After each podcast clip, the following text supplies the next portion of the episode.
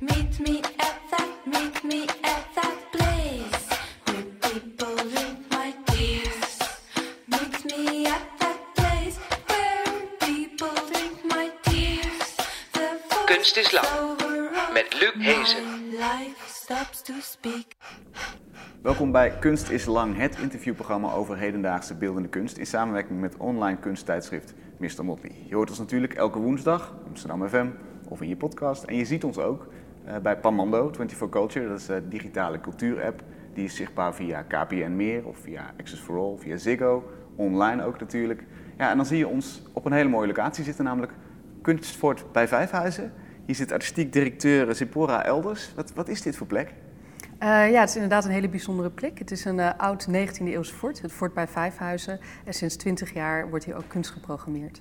Vandaar Kunstfort. Exact. Ja, en eh, we zitten nu in een soort bijgebouw, geloof ik, hè? Ja, dit is de Genieloods. Dit staat inderdaad naast het forteiland. De genieloods. De Genieloods. En ehm, ja, officieel moeten we zeggen militaire bergloods. En het is het enige overgebleven metalen eh, militaire bergloods in Nederland. Het is eh, monumentaal erfgoed. Ah, wauw. En hier mogen alleen de echt, de echt grote mogen hier exposeren. Vandaar genie. Ja, en ook alleen de echt grote programma's. Kijk, kijk, dat wilde ik horen. Nou, daar, Ja. daar gaan we dan mee beginnen. Dankjewel. Ja. Mijn gast vandaag is Daan den Houter. Hij maakt altijd kunstwerken met een knipoog die humor bevatten en die ook vaak gaan over de waarde van kunst. Zo heeft hij bijvoorbeeld 20 blokken cement verkocht voor 125 euro per stuk. En in één van die blokken zit 1000 euro. Klinkt als een gameshow, maar het is kunst. Want zou je als koper zo'n blok eh, slopen en misschien 1000 euro winnen, dan kun je worden aangeklaagd door de andere kopers, want dan is het werk niet meer intact. Een ander humorvol ding eh, is een pruik en een snor van zijn eigen haar. En wat denk je van het oververfschilderij? Dat heeft hij bedacht. Het is een concept waarin schilders steeds over de laag, de bestaande laag heen gaan. En ondertussen is hij over de 100 lagen dik. Nou, daar gaan we het zo over hebben. Daan, welkom. Ja, welkom. Leuk, dat je er bent. Ja. Te gek. Hey, meteen maar dat oververfschilderij. Want eh, ik, ik, vind het bij, ik werd er bijna gek van, van dat concept. Het idee dat je, dat je meer dan 100 lagen op elkaar hebt. Ja, eh, en dat die gewoon allemaal overgeschilderd worden. ja da- daar word je gek van. Daar word ik wel. gek van, want dat, dat, dat zit allemaal in dat schilderij. Maar eh, er zitten waanzinnig mooie dingen bij. en Die worden natuurlijk gewoon overgekalkt. Ja, nou ja, het is, het is ook een beetje een soort eh, uit de hand gelopen werk eigenlijk, zeg maar, dat steeds doorgroeit. Ik zat, eigenlijk komt het nog echt nog voort van dat je soort van op de academie zat ik, zeg maar. En dan eerste jaar of zo zit je zo'n klas met 30 van die stuiterende, startende kunstenaars. En dan zegt zo'n docent meteen van, nou ja jongens, hè, over tien jaar zijn nog twee van jullie misschien met kunst bezig. Waarvan eh, eentje misschien zijn brood ermee kan verdienen. En de andere een beetje bekend is. En de rest doet allemaal iets anders. En dan denk je natuurlijk van, ah ja, dat ben ik natuurlijk. Want Ja. ik word gewoon die gave, beroemde kunstenaar. Maar dan kijk je om je heen en denk je, ja, dat denkt natuurlijk iedereen. En toen dacht ik, ah ja, als ik nou gewoon van iedereen een werk heb nu, dan heb ik in ieder geval een goed werk van één goede kunstenaar, zeg maar. En om dat dan wat compact te verpakken, dacht ik, als je dat gewoon allemaal op één doek doet, dan is dat, ja, dan heb ik gewoon één doekje. Hè? Dan- was gewoon, ja, is gewoon jouw pensioen eigenlijk. Een soort van praktisch... Zoiets. Maar ja, uiteindelijk had ik dat op de academie niet gedaan. Maar toen werd ik een aantal jaar later gevraagd om een keer te exposeren in Rotterdam in de aanschouw. En toen was, was dat eigenlijk de perfecte plek om zo'n soort werk tentoon te stellen. Omdat er dan elke week een soort solo-presentatie is van, van dat nieuwe gemaakte schilderij. Ja, precies. En er zitten grote namen bij. eh Evie Vingeling, Rob Scholten, Olfa ten Otter, Klaas Schubbels. Ja. Ja, dus het is een beetje, het is ook wel echt gegroeid, zeg maar. Dus ik begon eigenlijk, nou ja, eigenlijk begon het al heel goed, want de tweede die erop geschilderd heeft was Evie Vingeling, maar die zat bij mij op de academie, dus ze zat een jaar hoger. Dus had ik meteen eigenlijk gepaaid van, oh ja, wil jij dat ook wel doen? Toen Ja. zei ze ja. Dus de eerste twintig schilders zijn voornamelijk schilders uit een, een vrij directe omgeving. Maar daar zaten ook al wel goede schilders bij, ook die veel nog schilderen, zeg maar. Veel uit mijn, mijn academia Ja. ook. En toen werd het wat bekender in Rotterdam, dus kregen we in Rotterdam veel mensen die mee wilden doen, zeg maar. Want ik heb in Den Haag op de academie gezeten en dit eh, werk wordt altijd in Rotterdam getoond. En op een gegeven moment begon dat een beetje bekendheid te krijgen bij schilders. En kwam ik er ook achter dat, eh, nou, dat, mensen, dat ik mensen ook gewoon kon benaderen die ik helemaal niet kende, zeg maar. Die wilden dan ook wel op dat doek schilderen. En op een gegeven moment, nu is er bijna een soort van, vinden mensen bijna een eer om op dat doek te schilderen. Dus het is helemaal, Ja. het transformeert steeds naar een soort andere... Wat, wat waanzinnig is, maar het probleem is natuurlijk, is het nog jouw werk? Ja, dan kan je, nou ja, het is, het is natuurlijk mijn concept, dus in feite is het mijn werk. Ja. Zo, zo Alleen zie je het zelf wel. Eh, nou ja, het, is natuurlijk een soort eh, gezamskunstwerk of zo. Hè? Dus je, eigenlijk werk je er met z'n allen aan. Maar het is toch ook heel duidelijk, ik selecteer wie erop schildert. Ik, ik eh, regel dat de hele tijd. En ja, ieder, elke kunstenaar levert daar een bijdrage aan om dat werk te realiseren. Dus zonder al die kunstenaars kan je het niet doen. Nee. Maar er zit toch wel een soort van eh, basis in, die, eh, eigenlijk die, die grondslag, die heb ik dan wel gelegd. Ja, precies. Dus eigenlijk, eigenlijk zweef jij er nog wel boven, zeg je zelf. Dus als het gaat om, om wie is, ja, wiens werk is dit nou eigenlijk, zeg jij, het is toch wel mijn werk eigenlijk. Ja, Ja. dat zeg ik wel, ja. Oké, helder. En, en, en, en zie je dan de waarde van dit werk, want daar gaat het natuurlijk ook over, als een soort van opeenstapeling van al die hele mooie lagen? Hoe, hoe, hoe zie, zie je dat? Ehm, ja, nee, dat, dat is waardoor de waarde van dit werk eh, ontstaat eigenlijk. Kijk, ik dacht, waar het me in het begin eigenlijk om ging, was eigenlijk vooral ook een soort van... Mensen zijn een beetje lui altijd te kijken, vind ik. Hè? Dus of voor kunst gaan mensen makkelijk mee om. Of niet iedereen, maar een grote doelgroep wel. En ik dacht, als je nou een schilderij hebt waar je naar kijkt... en je weet meteen dat het de laatste keer is dat je het ziet... Dan moet je wel goed kijken. Want je kan niet denken, ja, ik ga er een ander keertje nog over nadenken wat ik ervan vind. Ik uit, dus je wordt ja. meteen geconfronteerd met een, met een beeld waarvan je weet dat je het nooit meer gaat zien. Mhm. Waardoor ik eigenlijk hoopte dat mensen dan getriggerd zouden zijn om eh, ja, ook wat beter te kijken en te denken, oh ja, gaaf, vind ik dat nou zonde? Moet ik dat nou goed opslaan, want ik kan dat nooit meer zien. Dus dat was de eerste in, insteek. En uiteindelijk is dat natuurlijk ook gegroeid naar een werk wat natuurlijk gewoon heel absurd is, omdat al de energie van al die schilders erin zit. Dus dat doek heeft bij 120 schilders in hun atelier gestaan, hebben allemaal nagedacht wat ze erop gingen schilderen, zijn daarmee bezig geweest. Dat kan je natuurlijk ook, dat is- kan je eigenlijk niet voorstellen dat er iets is waar zoveel mensen zoveel energie in gestopt hebben. Ja. Tegelijkertijd kun je zeggen, alles wat eronder zit houdt op bij die ene laag. Ik zie maar één laag, dus hoezo zit er, zit er nog heel veel onder? Ja, dus dat is natuurlijk gewoon heel erg, dat spreekt gewoon tot verbeelding. En het is natuurlijk, maar het zindert wel. Het is wel een absurd ding geworden. Het is super dik, het is zwaar, het is echt een soort, Hoe zwaar is het? eh, bijna 10 kilo is het nou, zeg maar. En het is een doekje van 50 bij 60 centimeter, dus dat weegt normaal eh, niks eigenlijk. Ja. Is er, is er één laag geweest waarvan je dacht kut, dat die nou overgeschilderd wordt? Ehm, nou, nou, ik vind het eigenlijk allemaal wel bijna, eh, hoe heet dat? Echt kut, zeg maar. of niet echt kut, maar het soort van iedereen eh, heeft wel echt een schilderij eh, erop geschilderd dat, dat echt goed is, zeg maar. En dat ook echt past bij die schilders. Dus het is allemaal best wel een, hoe heet dat? Ja, sterke werken. Dus Ja. het is elke keer wel weer bijzonder dat dat werk er even is. En dan, ja, dan gaat het weer weg, zeg maar. En ja, je hebt soms wel persoonlijke favoriet of zo en dingen. En, maar er zijn maar weinig mensen die echt iets niet zo moois geschilderd hebben of zo. Of Ja, dus die, die iets anders gedaan hebben. Doet het weer pijn, maar dat is eigenlijk ook goed, omdat dan het moment van kijken intenser wordt. Ja, En, en het einde van het werk, is dat eh, de fysieke barrière, dat er geen verf meer oppast? Of, of inderdaad beslis jij, nu is het genoeg geweest? Nou ja, ik dacht altijd van, eh, oh ja, ik doe gewoon 20 toen ik begon. 20 schilderijen en dan schilder ik het wit of zo. En dan heb je zo'n soort object. Maar uiteindelijk had ik, waren er dan 20 schilderijen op. En toen dacht ik, oh ja, 50 is wel te doen. En toen waren er 100. Dacht ik, of na die 50 dacht ik, oh ja, 100 kan ook wel. En toen waren er 100. En toen dacht ik, toen zeiden heel veel mensen, ja, je kan wel stoppen. Want het is nu, eh, weet je, wel, dat is wel een soort eikpunt. Ja. Maar waar het eigenlijk om gaat, is eigenlijk het werk zit hem erin dat het steeds overgeschilderd wordt en dat er weer iemand nieuws opschildert en dat dat in dat proces zit het- de essentie van het werk. En als je stopt, ja, dan hou je een soort reliquie over, wat eigenlijk eh, ja, minder spannend is dan dat doorlopende project. Maar jij gaat dit niet je hele leven doen, toch? Ja, nou ja, dat is dus altijd de vraag, soort van hoe lang, hoe lang kan dat? Kan het fysiek, zeg maar? Eigenlijk, als je zou beginnen, dan zou je zeggen dat kan sowieso al niet. Hè? 120 schilderijen op een doek door een dwarsdoorsnede van de Nederlandse schilderkunst. Daar gaat niemand aan meewerken, dat houdt het niet, dat werkt helemaal niet. Ja. Dus het is al een beetje een, ab- een absurd ding geworden. Ehm, maar ja, dus, ja, je kan ook zeggen van, nou ja, ik, kan, eh, ik had wel eens uitgerekend als ik jaar of 80 zou worden, dan zouden er 450 schilderijen op kunnen, zeg maar, als ik dat gewoon zo consequent doorzet. En, en is, dan is het natuurlijk ook de vraag, want jouw werk gaat ook over de waarde van kunst, ook de financiële waarde. Kan je dat dan verkopen voor 850 keer de waarde van de, de prijs van één schilderij? Ehm, nou ja, dat hangt dat, dat eh, in theorie natuurlijk wel. Ja, in theorie kan natuurlijk alles, zeg maar. Eh, maar ik heb dat wel eens besproken met de. Met een eh, schade-expert. En het is- was wel grappig, dus ik ging wat verzekeringsbedrijven bellen. En dan zei ik van, nou ja, kan je zoiets verzekeren? Nou, die kunnen daar dan eigenlijk helemaal niks mee. Want die zei, het laatste schilderij kunnen we verzekeren. Ja, precies. En ik zei, ja, maar het gaat, dit werk gaat erom dat al die schilderijen erop staan. Dat is de essentie van dit werk. Dus je moet ze ook al die andere schilderijen in een zekere mate meetellen, zeg maar.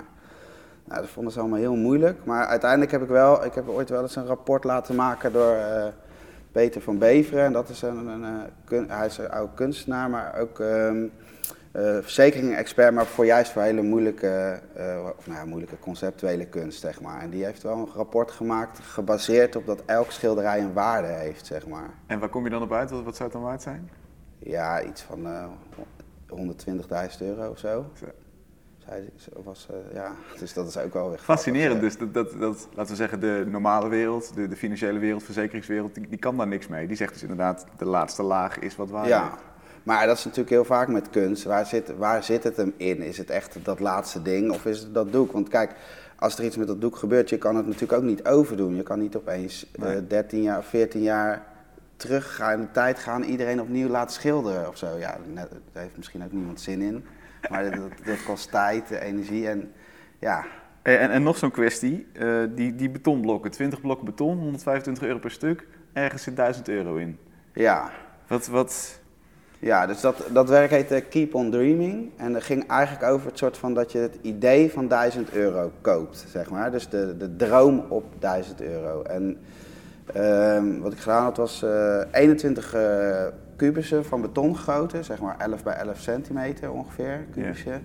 En dan had ik in eentje 1000 euro meegegoten. En elke, het was eigenlijk een hele simpele vorm, vierkant beton, alleen mijn naam stond er in relief in. En elk, num, elk blok had een eh, nummer. En iedereen kon dan voor 125 euro zo'n blok kopen. En in eentje zit die 1000 euro. En wat het idee is dat je eigenlijk dus dat blokje ergens hebt in je huis. En denkt van, oh ja, daar zit dan mijn vakantie in. Hè? Of je tandartsrekening. Of, eh, maar je kan, je kan er eigenlijk niet bij. Want het is echt die droom op dat geld. Want op het moment dat je dat, bijvoorbeeld dat blokje kapot maakt. Dan heb je en geen kunstwerk meer. Ja. Dus je hebt niks. Of misschien vind je wel dat geld. Maar eigenlijk is dan die droom voor al die andere 20 eigenaren eh, kapot gemaakt. Dus die kunnen jou dan eigenlijk weer aansprakelijk stellen voor hun verlies.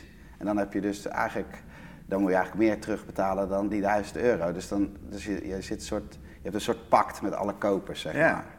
En wat fascineert je zo aan die, ook die financiële waarde van kunst? Waarom is dat zo'n thema in jouw werk? Nou, ik vind, gewoon ik vind het zelf heel interessant om te, om te zoeken naar waar, is, eh, waar, zit, waar zit waarde of wat is betekenis of wat is die kracht van kunst, zeg maar. En ehm, ik doe dat heel vaak ja, door, door gewoon naar kunstwerk te kijken en kunst te maken en te bedenken van eh, waar, waar zit die grens hè, van eh, eh, houdbaarheid of van echt financiële waarde. Maar aan de andere kant ook om mezelf te triggeren van hoe, hoe, hoe, hoe zit dat nou, zeg maar? Waarom is het ene schilderij wel heel veel geld waard en het andere niet? Of waarom is dat kunstwerk nou echt heel bijzonder? En, en beantwoord die vraag eens voor jouzelf. Wat, hoe, is- hoe is jouw visie erop?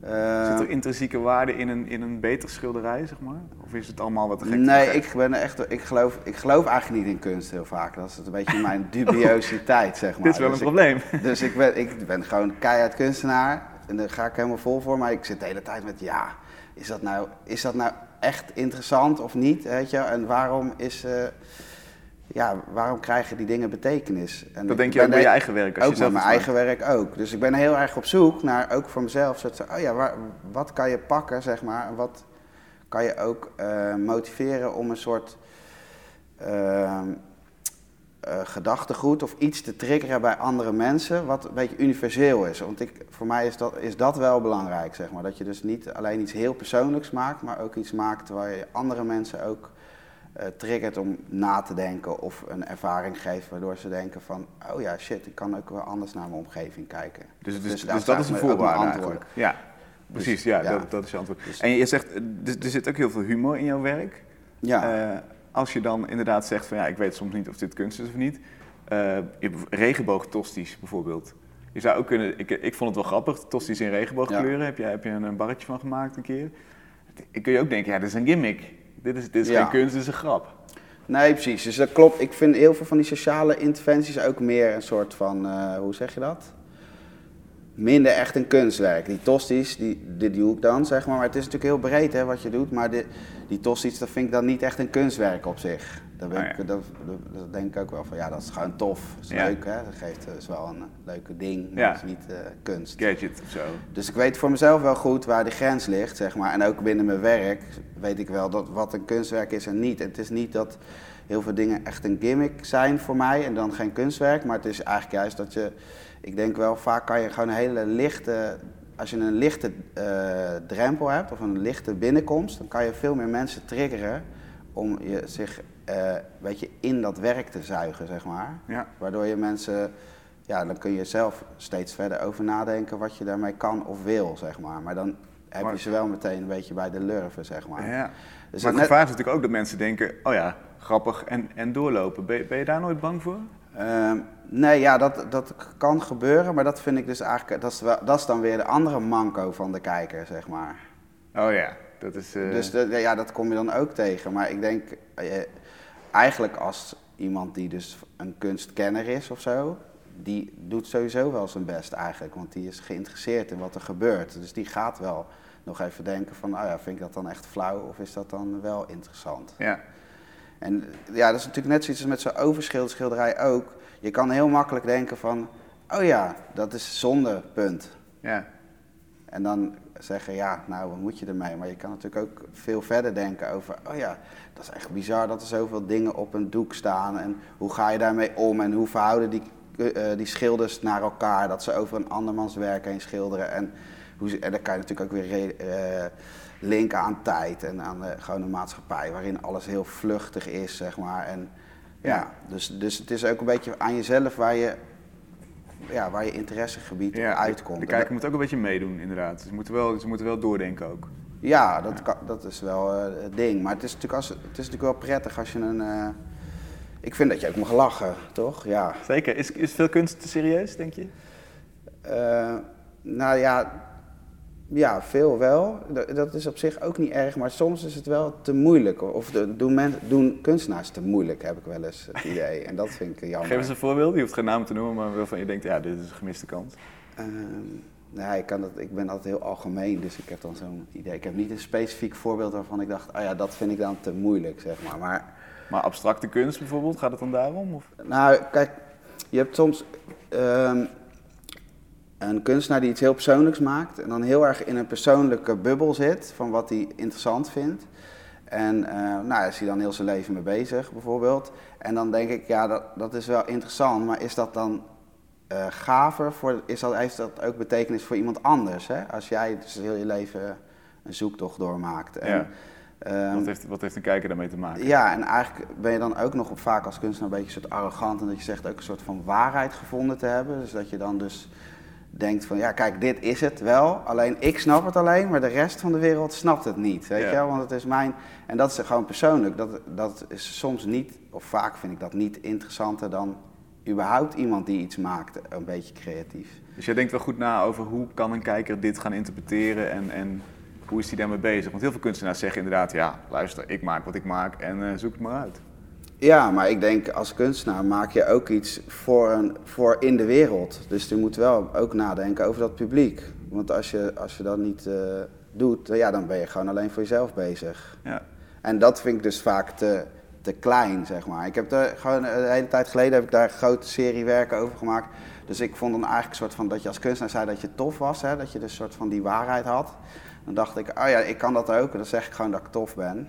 Dus dan deed ik Daan is tof. En dan heb ik daar allemaal eh, op de meeste debiele plekken dat soort reclamecampagne voor gemaakt. Dus ik huurde een vliegtuigje dat over Rotterdam vloog met Daan de Stof erachter. En kocht achterkant van de Metropolis M, Ja, reclameruimte. Ja. En dan eh, En hangetjes, hè? In, in, gouden, ja. gouden hangetjes. Ja, en eh, ik heb een, in Zuid-Frankrijk hebben vrienden voor mij een dak belegd met Daan de Stof erin. In zo'n dorpje waar eigenlijk niemand, niemand komt. Dat vind ik dan eigenlijk te gek, weet je. En dan staat het. En dat, maar dat linkt, dat is ook een soort anonieme reclamecampagne die wel op mij slaat. Maar je kan het eigenlijk nergens terugvinden. Ik had dan een website, Daan de Stof, maar dat staat alleen maar...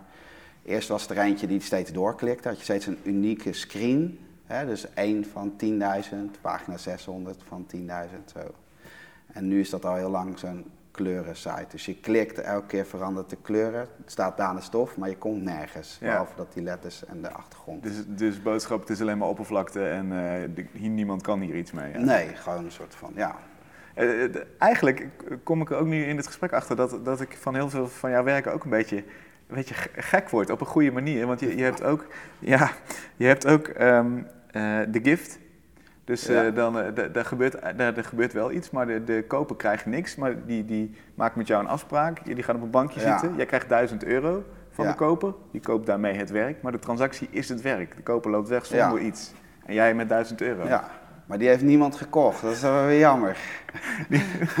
Maar dit was, dit was al lang geleden, ja. Maar dat was ook een project van, eh, vanuit bij het Blauwe Huis van Sjane van Heeswijk. En het is eh, een uit concept waarin kunstenaars gevraagd werden om een werk te maken wat geen eh, fysiek eh, werk eh, zou achterlaten.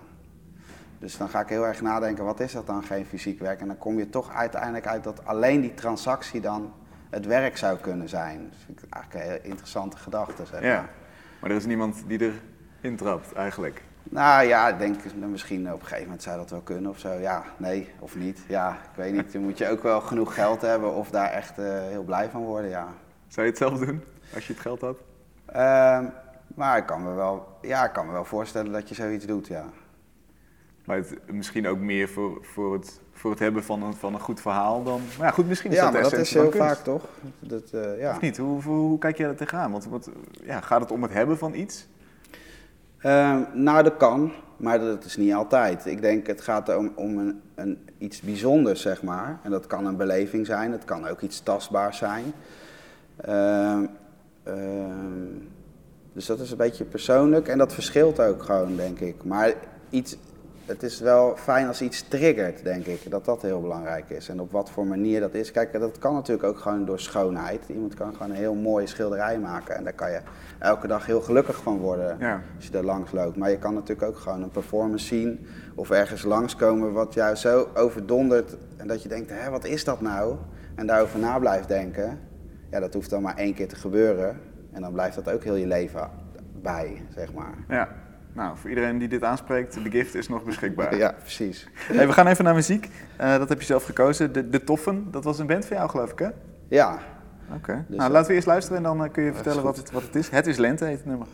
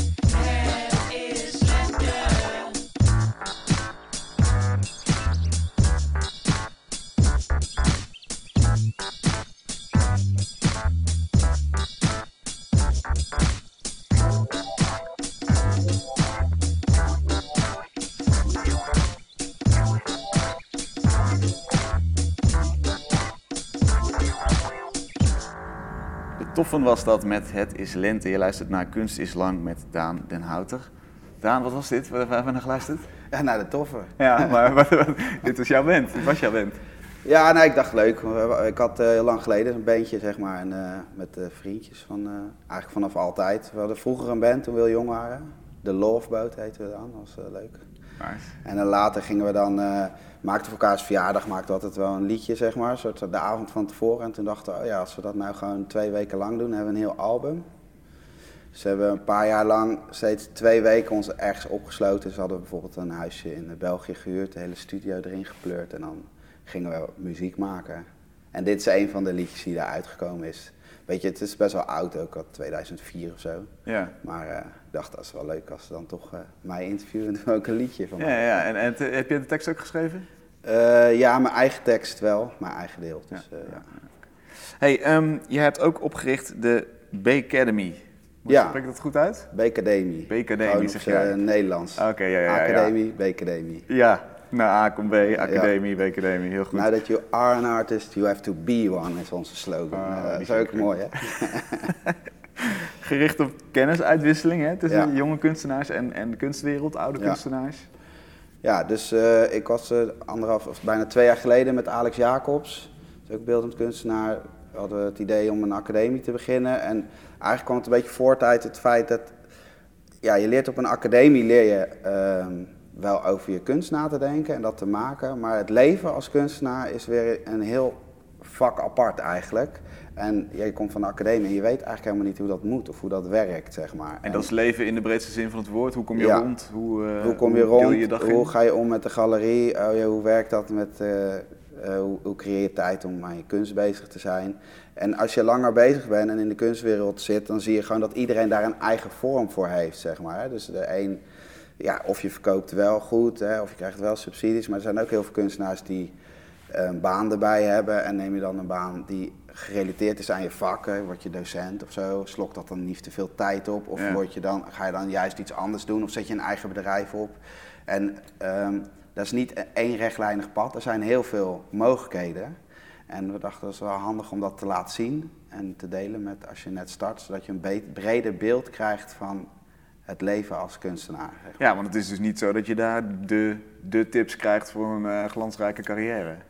Nee, dus je krijgt eigenlijk de tips hoe je je leven in kan richten, zodat je leven tof blijft om, om je leven rondom het kunstenaarschap in te richten. Of we laten zien hoe anderen dat gedaan hebben. En ook, mensen vertellen ook ups en downs. Dus kijken we heel vaak als eh, kunstenaar is ook niet een rechtlijnig pad. Het is niet zo van, oh, je kan een beetje die stappen bewandelen, dan kom je daar. Dat kan wel.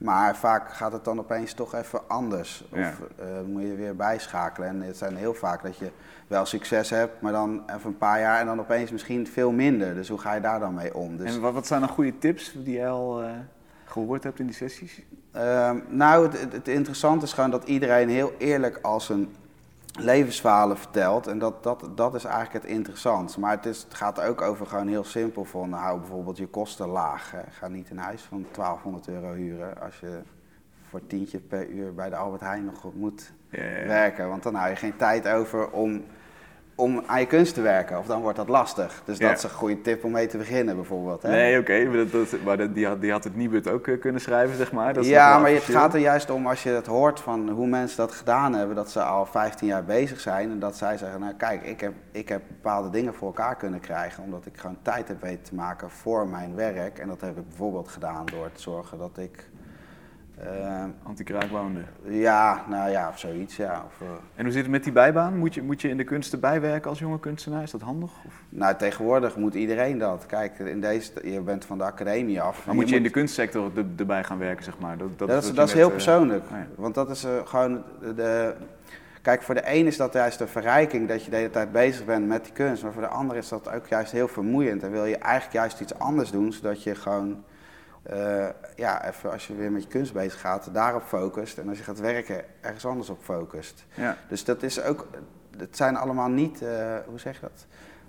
Ja, het zijn niet rechtlijnige dingen, dat moet je zelf uitvogelen. Ja. Maar het is wel fijn om dat eh, te delen en, en die, die vragen die je hebt in de groep te gooien. En dat zijn nog steeds heel veel praktische zaken ook die je eigenlijk pas tegenkomt als je net van de academie af bent. Dat je denkt, oh shit, hoe doe ik dat? Of hoe ga ik daarmee om? Of is dat normaal dat ik eh, mijn sculptuur van 3 bij 2 meter zelf helemaal naar eh, Groningen moet brengen? En eh, voor die expositie. Want ik wil wel exposeren, maar dat kost moet ik een bus huren, dit en dat, weet je wel. En Maar goed, daar zijn dan toch ook geen rechtlijnige antwoorden op, neem ik aan. Of is, Nee, maar je kan wel mensen, daarin kan je wel uitleggen, dan kan je wel mondiger maken. En dan kan je zeggen, nou ja, er is meestal, kijk, er is niet zo heel veel geld vaak, maar is, of, nu heb je natuurlijk die richtlijnen voor kunstenaars, maar dan moet natuurlijk ook de honorariumrichtlijnen. Maar ehm, je kan wel altijd om transportkosten vragen. Maar als je net afgestudeerd bent, dan weet je het niet, zeg maar. En als je een subsidieaanvraag doet, kan je ook gewoon even bellen. Hè? Wat, wat er kan of wat er niet kan. Want de mensen die daar werken vinden het ook prettig om mensen te helpen en willen liever een goede aanvraag binnenkrijgen. Maar heel vaak ben je nog een beetje onzeker en bang en denk je, oh nee, wat, wat mag ik eigenlijk aanvragen? Of hoe werkt dat? Of zus of zo. Ja. En dan vergeet je dat je gewoon die mensen gewoon kan spreken en die kunnen jou dat uitleggen. Ja, dus het is allemaal niet zo, het hoeft niet zo zwaar te zijn misschien als je, Nee, als je denkt als je net begint. Welke tip had je zelf graag willen hebben als jonge kunstenaar? Ehm, nou, ja, dat is altijd. Je moet, toch, eh, je moet toch veel netwerken, denk ik, uiteindelijk. Uiteindelijk gaat het toch om zichtbaar. Ja, of je moet zichtbaar zijn. Uh-huh. En ik heb heel veel in het begin heel veel soort van anonieme dingen gedaan. Daan de Dus, Stof. eh, Daan de Stof. Ik zat bij een collectief, heten we Dit is Dit. En dat was ook anoniem, weet je wel. Ik ging in Utrecht, ik was in, nee, ik heb in eh, Den Haag eh, gestudeerd. En toen daarna ben ik meteen naar Rotterdam verhuisd. Ik vond dat een betere stad om eh, bezig te zijn. Mhm. Maar dan ben je ook heel onbekend in Rotterdam. Want je hebt natuurlijk al die academie gedaan in een andere stad waar die docenten rondlopen en dit en dat. Dus je moet je Dus reputatie maken. Ja, en dat is wel, dat heb je in het begin niet door, want je denkt natuurlijk gewoon dat jij gewoon wel, dat iedereen weet wie jij bent. Ja. Of tenminste, dat denk ik dan altijd. Maar dat, dat is natuurlijk helemaal niet zo, Nee. weet je wel. Dus da, da- daar kan je wel wat eh, oplettender in zijn, dat je gewoon denkt van, oh ja, ik Maar je moet- zei, ik heb anoniem dingen gedaan. Is dat dan goed of juist niet? Want eigenlijk moet je juist dan toch... eh, Nou, ik vind dat uit. Kijk, ik bedoel, eh, ik ben wel blij met alles wat ik gedaan heb, maar ik denk dat dat wel wat onhandiger is. Kijk, ik wilde in het begin ook alleen Daan heten of zo, want ik vond dan niet leuk mijn achternaam of zo. Dus dat was ik Daan in hoofdletters. Ja, toen was dan net dat internet nog niet zo heel veel, maar Daan kan je ook niet googlen of zo, weet je Nee, wel. Dus dat is heel. is dat maar dat realiseer je pas veel later, dat je denkt, oh ja, dat is helemaal niet handig. Hè, zoiets. Oké, dat dus daar- dus daar dat kun je vind over ik dan wel, ja, daar kan je dan wel. En als, kijk, als ik dat nu tegen iemand vertel, dan kan die denken, nou, ik doe het lekker toch niet. Maar dan weet hij wel waar het vandaan komt. Dan denkt hij, ja, er zitten wel wat punten in die handig zijn. Kan je gewoon meenemen, zeg Ja. maar. ja. Eh, je zou ook de andere kant op kunnen, kunnen zeggen en, en gewoon eh, denken... Ja, we moeten ook gewoon experimenteren. Je moet ook je eigen weg vinden. Ja, maar dat is natuurlijk. de- nou, je moet, maar je moet je eigen weg vinden, maar je moet ook eh, wel eh, een vorm vinden om bezig te kunnen zijn met die kunst. En dat is, dat is eigenlijk vaak lastig. Hè? Dus het is gewoon best wel een pittige, pittige branche, omdat er niet zoveel geld is. Of er is heel veel geld, maar dat is in een heel klein segment. Ja. Dus als jij gewoon graag kunst wil maken of dingen wil, mee bezig wil zijn en exposeren, moet je toch ook goed nadenken over ja, welke, hoe je dat gaat doen, zeg maar, voor, voor in je leven. En uiteindelijk heb je toch ook heel veel aan je collega's. Is het ook leuk om leuke mensen om je heen te hebben die, die jou kunnen helpen en adviseren. En Ja. eh, dat je niet in je eentje, zeg maar, de hele tijd. eh, Ja, je- precies. Dus het gaat ook vooral om het, om het hele gedoe eromheen. Dus je hebt je, je, je eigen kunst, zeg maar, Ja. in het midden en daaromheen zit van alles. Ja, dat en dat kun je efficiënt doen. Ja, en daar kan je gewoon een breder netwerk voor, voor opbouwen. Maar het is niet, het is wat wij, kijk, we komen dan één keer per maand bij elkaar en hebben we tien mensen uit heel Nederland, zeg maar, die allemaal net startende zijn, zeg maar, zeggen we dan. Dus tot vier jaar afgestudeerd of zo. En eh, dan vragen twee gastdocenten die hun levensverhaal of, of hun vertellen hoe zij het gedaan hebben. En die deelnemers die, die net starten, die vertellen 's ochtends eh, vijf minuten wat ze afgelopen maand gedaan hebben. En hebben vijf minuten om een vraag eh, in, de, in, in de groep te gooien, waar Ja. ook die gastdocenten over meepraten. Zo krijg je dus van de negen andere mensen uit Nederland een beeld waar zij mee bezig zijn en hoe dat anders gaat in een andere stad. Maar je bouwt ook een netwerk op. Ja. En dan gaan we lunchen en dan doen we twee gastdocenten die dan weer vertellen. En, maar ja, dat is heel vaak ook heel tegenstrijdig. We hadden een keer iemand die gewoon eerst zei van... Ah ja, nee, je moet alles... Er was, die was ook marketingman en die vertelde... Ja, je moet gewoon... eh, heel goed je Facebook bijhouden, Instagram, alleen maar op je kunst focussen, dit, dat. En een cv bij, bam, en een soort van die website goed. En dan zat iedereen in de startblokken van, ja, dat gaan we doen, weet je wel. Ik wil dat ook, ja, zo gaat het. En dan, en dan hadden we diezelfde dag hadden we een andere kunstenaar die zei, ja, ik ben het helemaal zat, die kunst. Ik, eh, Amerika was gaaf, weet je, ging het goed. Dan zit ik in die Nederland, ik heb het helemaal kutkunstwereld in Nederland. Het werkt helemaal niet. Ik, ik maak alleen nog maar kunst voor mezelf op mijn atelier. Als het maar zo eerlijk mogelijk is. En die kon dat ook weer heel goed vertellen. Ja, nee, fuck ook allemaal dat gezeik met die reclame. En eh, ik wil voor mezelf iets maken. Dus nou, ja, dat is wel interessant. Want dan heb je gewoon twee tegenstrijdige verhalen. Maar die allebei wel waar zijn, zeg maar. Ja. En dat, ik denk dat dat wel prettig is als je, om, om dat te horen. Je hebt zelf kunstmatige intelligentie gestudeerd voordat je naar de academie ging. Ja. Hoe heeft dat jouw kunstenaarschap gevormd? Nou, ja, ik vind, ik vind dat, eh, hoe heet dat, dat denken over hoe wij denken als mens, gewoon het filosofische en psychologische aspect vind ik heel interessant. Dus bij de eh, cognitieve kunstmatige intellige- intelligentie gaat het daarom. Hè? Hoe, hoe denkt een mens en hoe kan je dat in een computer stoppen? Ja. En ehm, ja, eigenlijk is dat mijn, nog steeds mijn focus van hoe kijk je naar dingen. En dat gaat natuurlijk ook over die waarden en wat is waar en hoe kijk je tegen dingen aan. En wat heel fascinerend is, is dat wij altijd denken dat we heel bewust van alles keuzes maken en doen. Maar eigenlijk gaat heel veel onbewust en wordt er heel veel gevormd door je hoofd voordat je dat eigenlijk weet. En hoe kom jij met, vanuit die wetenschap tot een werk? Heb je daar een voorbeeld van? Nou, dat, dat, ehm, even kijken. Nou, nou, dat vind ik dus zelf eigenlijk wel fascinerend, omdat je eigenlijk. ehm, ik ben dus best wel conceptueel kunstenaar, of tenminste, ik, heel veel gaat over ideeën en theorieën en daar heb ik dan allemaal ideeën bij. Maar ik heb bij mezelf ook gerealiseerd, het popt toch altijd op. Het is niet dat je gewoon een hele uitleg maakt en denkt, dan komt dat werk eruit. Maar er komt een guts feeling, denk ik, dat is een goed werk. En dan ga je erover nadenken en dan ga je het doen. En dan blijkt dus dat het toch uiteindelijk met terugwerkende kracht die, die kwartjes vallen, zeg maar. Ja. En eh, dat vind ik wel wonderlijk, zeg maar. Dat, dat het toch een soort intuïtief eigenlijk is, zeg maar. Maar, maar jij zou vanuit je achtergrond misschien nog beter kunnen beredeneren waar dat dan vandaan komt. Hoe, hoe kijk je daarnaar? Eh, nou ja, dat heeft wel te maken dat ik wel altijd kijk naar rekening hou met wat een publiek ziet of zo. En waar, in welke context een werk gepresenteerd wordt. Dus een werk is niet alleen een werk op zichzelf, maar de locatie is natuurlijk ook belangrijk. Ja. En, en welke mensen zien dat. En dat is natuurlijk ook elke keer anders, want het is niet hetzelfde doelgroep die je hebt. Dus daar speel ik wel mee dat ik denk van, oh ja, als ik iets in de openbare ruimte doe, dan komen er andere mensen tegenaan dan als je iets in een museum doet of in de galerie. Dus, dus, dus als we het stadium hebben van werk toewerken naar een kunstwerk, dan, dan is er een soort van, eh, eh, hoe zeg je dat, un- unconscious soepje, zeg maar, waar, waar, waar van alles uit, eh, waar van alles borrelt. En dan Ja. gooi jij daar de omgeving in en het publiek wat daar komt. En eh, dan Ja. ergens komt dan een idee naar boven. Ja, of je hebt een idee wat al heel. Je hebt natuurlijk heel veel ideeën die een soort van rondspoken in je hoofd. Ja? Maar die hebben dan nog een plek nodig. En dan, als je die plek hebt, dan kan je hem in- implementeren, zeg maar. Ja. Maar dan moet hij wel. Dus, dus soms word je ergens uitgenodigd en dan denk je, oh ja, ah, dan kan ik dat ding doen wat ik drie jaar geleden bedacht heb. Maar dan kunnen, gaan we dat nu wel. eh, nu is dat de goede locatie, zeg maar. Ja. En, en ga je dan zover dat je zegt, eh, ik geloof niet in, in, de, eh, in de ratio of, in het gewoon het, onze, ons, ons heldere autonome brein? Of dat, dat gebeurt allemaal en op een gegeven moment krijgen wij dat te horen? Eh, nou ja, daar zijn ze nog steeds een beetje naar op zoek, zeg maar. Maar dat vind ik dus heel fascinerend. Dat hoe de- de- sta je er zelf in? Wat, wat is je, wat visie Ehm, ja, ik denk, ik ben zelf eigenlijk wel, kijk, eh, ik geloof eigenlijk ook wel dat je een soort, alles is actie-reactie. Dus het hele, als je om je heen kijkt, er gaat eigenlijk niks eh, uit het, er gebeurt niks uit het niets. Dus bij ons ook niet. Dus in feite geloof ik wel in een soort deterministisch, dat je gewoon eigenlijk geen invloed hebt op wat er gebeurt. Juist. Maar ja, zo voelt het niet voor jou als mens. Dus wat dat betreft maakt het niet uit.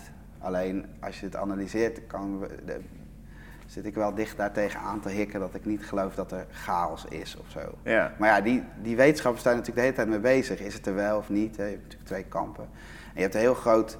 Maar dat hetzelfde als met dat, dat vind ik echt fascinerend, dat je bewustzijn een aan-uit-knopje is. Dat is ook eigenlijk al bijna bewezen. Hè? Dus dat je geen invloed hebt op, op wat je doet. Maar ja, het lijkt wel zo. Ja. Ja, dat, is, dat kunnen we natuurlijk helemaal niet aan. Dat is ook, dat is ook gekmakend. Ja, precies. Dus, dus dat je eigenlijk dat het niet uitmaakt wat je nu doet, want dat, dat zou je toch al gedaan hebben. Ja, Of er is maar ja, één manier en Er is maar één manier, manier. en die gaat zo. En eh je denkt dat je een keuze maakt dat ik zelf bedacht heb dat ik vanochtend hier naartoe ging rijden. Maar dat, dat zat al jaren in een soort planning of zo. Ja. Maar ja, je kan dat niet, ja. Zijn, je kan, we hebben nooit genoeg gegevens om dat voor de toekomst te bepalen. Dus het is ook niet, het is ook een beetje tweeslachtig dat je er nooit achter kan komen bij als mens of zo. Maak, maak je daar werk over, over dit onderwerp? Nou, niet, niet specifiek, maar wat ik eerder ook al probeerde te zeggen, het, is, het gaat wel over een soort die, die, die tegenstrijdigheid die ik zoek. Dus ik probeer de hele tijd wel een soort van twee dingen bij elkaar te gooien die niet kunnen, zeg maar. Geef eens een voorbeeld. Dus nou, ik heb nu, eh, even kijken, ik, heb die, ik ben nu met schilderijen van ijs bezig. Dus dat zijn eigenlijk hele mooie werkjes, maar die zet je dan neer en die smelten dan. Dus je kan dat ook niet, je kan wel kijken, weer is een beetje zoiets als het overschilderij, maar er blijft eigenlijk niks over. Dus je wordt er gewoon geconfronteerd met iets waar je niks, ja, wat, wat, wat eindig is, zeg maar. En wat de hele tijd transformeert. En ik, heb ook zo'n zo'n eh, schilderij gemaakt wat een soort eindeloos verf overheen druipt, zeg maar.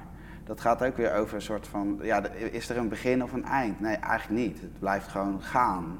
Maar ja, dat kunnen wij, wij zijn wel van begin en eind, zeg maar, in, Dat is wel lekker in- als mens, zeg Ja. maar.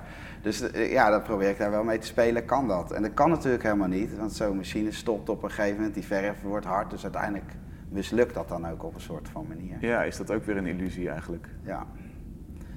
En die, ja, en ik heb de- wat, wat misschien dan ook wel daarin, wat, wat een goed voorbeeld is, ik heb van die eh, projecten gedaan, interventies waar ik eh, pleinen vol met eurocentjes strooide.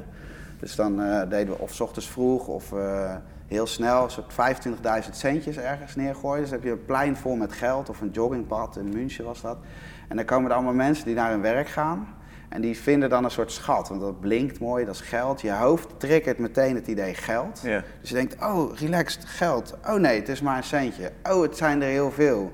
En dan zit je in een soort padstelling. Ga je dat dan oprapen of niet? En dan uiteindelijk moet je toch 200 keer bukken voordat je een soort van één biertje bij elkaar geraapt hebt. Dus het loont eigenlijk niet de moeite.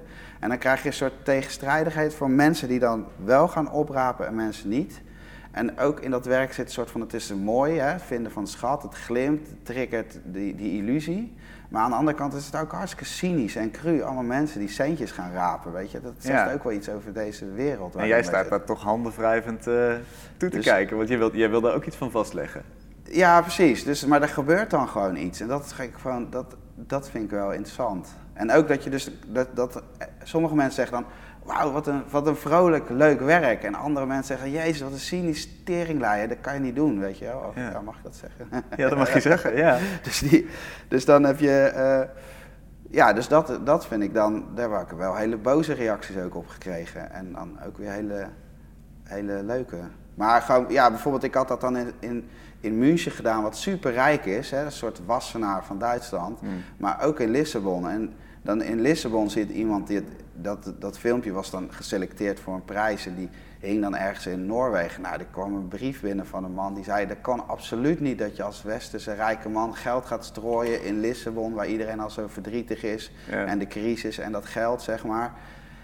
Ja, dan denk ik, ja, daar heb ik niet ver genoeg gekeken, want ik heb het ook in München gedaan. En uiteindelijk, als je het filmpje ziet, is iedereen super blij die dat geld opraapt. Dus het is eigenlijk ook, het is wel interessant, is dat het eigenlijk gewoon ook een beetje, ja, toch, ja, is het dan naar of niet, weet je? Dus het roept gewoon heel veel, eh, ja. Aan het begin van het gesprek zei hij, ik, ik weet eigenlijk niet of ik wel in kunst geloof. Wat, la- laten we hiermee afsluiten. Oh, Wat is jouw definitie van kunst? Wanneer zeg je, dit is, dit is wat kunst kan doen en dit is goed? Ehm, ja, ik denk dat het een soort van een, een soort triggering is voor ook wel weer het zoeken naar een soort waarheid, zeg maar. Dus ik zei dat altijd soort van. Je hebt een soort van eh, binnen de wetenschap heb je een soort zoektocht naar. Hè, we zoeken naar een soort waarheid met wetenschap. Hè, maar we weten eigenlijk al dat dat te groot en te klein is. Dat we die waarheid nooit gaan vinden, want dat is te gecompliceerd. En, ik heb al, en dat doen we dan met logica. Maar hebben we, al zo eh, we kunnen al zo logisch redeneren dat we ook kunnen denken als mensen, misschien moeten dat wel zonder de logica vinden. En dat is dan eigenlijk een kunstenaar, ook een soort zoeken naar die waarheid, Mhm. maar dan zonder de logica. En eigenlijk weten we dat we die nooit gaan vinden, maar je probeert toch iets te vangen waarin je denkt, hier zit het leven in of, hè, of iets alomvattends. Ja, en Dat soms is- schamp je er langs en dan heb je iets moois. Ja, ik denk eigenlijk iedereen schampt er altijd langs, maar dat is wel het streven, ja. Dat je, dat je uiteindelijk iets maakt waarvan iedereen denkt, wauw, of zoiets. Hè. Dat, los van of het mooi is, maar op een of andere manier werkt. Dankjewel. Jij ook bedankt. Kunst is lang. Met Luc Hezen. Life stops to speak. Je luistert naar Kunst is Lang, het interviewprogramma over hedendaagse beeldende kunst. In samenwerking met online kunsttijdschrift Mr. Motley. En voor de kunst is natuurlijk ook van de partij. Elke week schuift er een project aan dat te crowdfunden valt. En dit keer is dat het project van Eminia Lentjes. Eminia, welkom. Hi. Vertel, wat is, wat is jouw project, heel kort? Ehm, ik ben bezig met een fotoboek en dat gaat over de masseurs in, aan de stranden van Bali. En ehm, om hun verhaal te vertellen, een leven wat we eigenlijk niet kennen, heb ik uitgekozen Sue. En het boek heet ook My Name Sue, How Do You Do? Eh, ik heb me uitgenodigd bij Sue en ik ben 24 uur lang met haar opgetrokken. En dat heb ik, het is 24 uur, maar ik ben ehm, een aantal keer teruggegaan om die 24 uur te ververvolmaken. Oké. En, en wat is Sue voor vrouw? Even om haar te schetsen. Sue, ehm, ik denk dat, ze, dat je Sue het best kunt typeren als een beetje brutaal, ehm, niet direct innemend. eh, maar als je er iets beter leert kennen, dan ehm, wordt ze iemand waar je van gaat houden. En eh, dat komt ook omdat ze anders dan alle andere masseurs die ik ontmoet heb, eh, een andere manier heeft om je te benaderen. Iedereen vraagt, wil je massage? En kan ik wat voor je doen. En Sue zegt tegen iedereen, my name Sue, how do you do?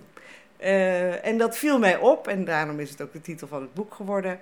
Ehm, en eh Sue is ook bijzonder omdat ze ehm, sinds een jaar of tien last heeft gekregen van artrose. Ehm, en ze masseerde eerst en nu kan ze dat niet meer. Maar ze worstelt zich dapper door het leven en ze schuift nu aan bij alle eh, massagebanken die daar aan het strand van Bali zijn om nagels te doen. Aha. Dus te veilen, te lakken. eh, omdat ze eigenlijk eh, niet meer kan masseren. En dit is de enige broodwinning die ze heeft. Dat zien we op een hele mooie foto waarin haar, haar kromme handen eigenlijk te zien zijn. Hè? Ja, dat is een soort beeld wat staat voor haar leven. Ik, heb, ik anseneer bijna nooit foto's, maar in dit geval wel. Ik heb haar gevraagd om haar handen op een massagebank te leggen. En ehm, die heb ik vrij hard ingeflitst. En eh, als je de foto ziet, zie je haar handen rechtop staan. Ik heb hem gekanteld. En heeft ook iets van, en dat vond ik wel mooi, van een eh wayang kulit, een eh, schaduwspel van poppen Mhm. omdat ze uit Indonesië is. En het heeft ook iets dappers, vind ik. Ze laat haar handen ook echt zien. Ehm, daardoor krijg je ook een idee van hoe zij moet worstelen voor haar leven. Ja. En eh, ik had die foto al gemaakt. Ik ben teruggegaan naar Indonesië en ik heb haar die foto laten zien. Want ik wil altijd wel dat iemand, weet je, dat je het project samen maakt. En toen ik die foto liet zien, moest ze heel erg huilen. Het was heel zielig. En eh, terwijl ze wel elke dag geconfronteerd wordt met die handen. Ja. Dus ik zei, ja, maar je weet, hè, dit is eh, waar je het elke dag mee doet. Ja, maar als je het ziet, dan is het zo anders. En ik had hele mooie handen en nu zie ik ineens dit. En toen heb ik nog wel gevraagd aan de... ehm, vind je het zo confronterend dat je niet wil dat ik die foto gebruik? En dat was niet zo. Het, het is voor mij gewoon, ik kijk naar mijn eigen leven door die handen. ja. Hoe was die communicatie met haar? Want, want eh, haar Engels is dan niet vloeiend. Nee, nee, het- nou, nee, zeker niet vloeiend, maar omdat ze eh, dag in dag uit met toeristen te maken heeft en ze wel echt een hele grote sociale intelligentie heeft, kan, begrijpt ze veel. Ehm, en eh, het is ook, eh, denk ik, dat je meer vertrouwen en meer contact krijgt door echt 24 uur samen te zijn. Eh, het is een beetje zoals je in de auto zit en eh, van hier naar Groningen rijdt en, en af en toe zwijg je en af en toe neem je een snoepje, stop je even bij eh, een- een tankstation om wat lekkers te halen. Zo is het ook eh, met haar gegaan. Zij woont drie kwartier, 50 minuten rijden op de brommer van het strand. Die tocht hebben we een aantal keer samen gemaakt. Ze kan zelf niet brommen rijden, dus iemand komt er ophalen. En ik ging er met een brommertje achteraan. Kom je thuis, Daar zitten haar twee puberkinderen die haar helemaal moeten verzorgen. Ik wist niet dat ze er zo slecht aan toe was toen we daar kwamen. Ze heeft krukken. Ehm, dan laat ze zich op het enige bed vallen wat er is voor eh, hun drieën. En dan moeten de kinderen haar verzorgen. En ik schuifelde zo'n beetje tussen dat leven door. En ze had speciaal een plaatsje voor mij eh, in bed eh, gemaakt, waar ik net iets beter lag dan eh, de rest van de familie, waar ik natuurlijk wel redelijk voor geneerde. Maar je wordt langzaam maar zeker onderdeel van dat leven. Dus jullie waren met z'n vieren in- toen in dat bed. Ja, ja klopt. Wat- ja. wat was- en, en in een huisje moet je voorstellen eh, zonder ramen, een klein eh, triplex deurtje. En omdat ze die artrose heeft, kan ze geen ventilatie aan hebben. Dus ik denk dat het s'nachts nou 50 graden was. Ze lagen allemaal als een soort eh marmotjes tegen elkaar aan, heel heet. En ik zei ook van, ja, denk je wel dat je goed kunt slapen? Zei. Ik zei, ja hoor, dat kan prima. Ehm, het is, ja, want het enige is wel dat eh, we hebben heel veel ratten. Eh, en eh, daar worden we zelf wakker van. Nou, er was niks te veel gezegd. Het was inderdaad echt een, een één grote rattenplaag die boven je hoofd ging. En, Oh. ja, dus het is. Je maakt even deel uit van een ander leven. En krijgt ook een. Kijk, dat is het, daar gaat het project ook over. Je loopt heel makkelijk aan die levens voorbij. Je bent op vakantie en je denkt: hé, lekker, ik laat me masseren. En niks mis mee. Maar het is een intiem contact. En tegelijkertijd weet je helemaal niks van de ander. En dat was eigenlijk de trigger voor mij. Ik dacht, ja, maar ik wil wel iets van die ander weten. En dan kom je in zo'n leven en in zo'n huisje en sta je samen op. En eh, ehm, weet je ook dat ze eigenlijk niet ontbijt als ze 's ochtends opstaat, een klein kopje koffie neemt en pillen tegen de ziekte. En dan weer richting strand vertrekt. Ja, dus het is een, een, een hard leven inderdaad, wat, wat jij hebt, hebt vast kunnen leggen. Wat, wat is de meest intieme scène wat jou betreft? Op, ja, de handen hebben we gehoord, maar verder? Ehm, ik denk de nacht. De hele nacht. Omdat eh, wat Sue doet is... ehm, overdag op het strand is er reuring, zijn er toeristen... en, is ze met de andere vrouwen. Eh, dat is heel. Het lichten van het strand is ook het lichten van haar leven op dat moment. Eh, en s'nachts gaat ze piekeren over haar situatie. Want ze heeft te weinig geld, ze heeft altijd schulden... En ze heeft een tv'tje staan en wat ze doet is ze ligt op de grond, op dat ene bed. En ze heeft de remote control in de hand en ze hou- houdt de tv aan totdat ze in slaap valt. En dat is meestal rond een uur of drie, vier s'nachts. Dan is er ook echt niks meer op televisie. Ehm, en ik ben dat ook door gaan fotograferen die, die nacht. En ja, dat, dan wordt de wereld zo klein en word je je zo bewust van haar zorgen. Ehm, ik denk dat dat inderdaad naast die foto van de handen het meest intiem is geweest. Ja. Dit levert heel mooie zwart-wit beelden op. Die moeten in een fotoboek, hè? Daar, daar gaat het geld naartoe. Zeker, ja. Die moeten in een fotoboek. Dat fotoboek moet nog gemaakt worden. Iedereen staat wel klaar maar, eh, om het te maken. En eh, de eerste prints zijn gemaakt. Maar het is een heel speciaal klein boekje ook. ehm, een limited edition. En ik wil het graag op reispapier drukken. Omdat de foto's dan het mooiste uitkomen. En het ook heel erg past bij het project. Ehm, nou ja, dat is, eh, daarvoor is de crowdfunding. Heb je hulp nodig? Ja, zeker. Oké, nou ga naar voordekunst.nl en daar, eh, eh, nou ja, als je Sue denk ik intoetst, dan, eh, dan Dan kom je er wel, hè? ja, ja, dan kom je er wel. Oké, jouw foto's zijn ook nog te zien, als, omdat het je afstudeerproject is, hè, aan de fotoacademie. Ja. Waar zijn ze nog te zien? ze zijn nog te zien in Lood 6. Eh, daar is de opening op 26 mei om half negen 's avonds. Feestelijke opening. En op Fotofestival Naarden. En dat opent 20 mei. Okido. Als je nog een voorproefje wil voor wat je gaat steunen, dan kun je daar naartoe komen. Kun je daar komen kijken. Dankjewel. Oké, okay, dank je. Tot zover Kunst is Lang voor deze week. Wij zijn de volgende week weer. Tot dan.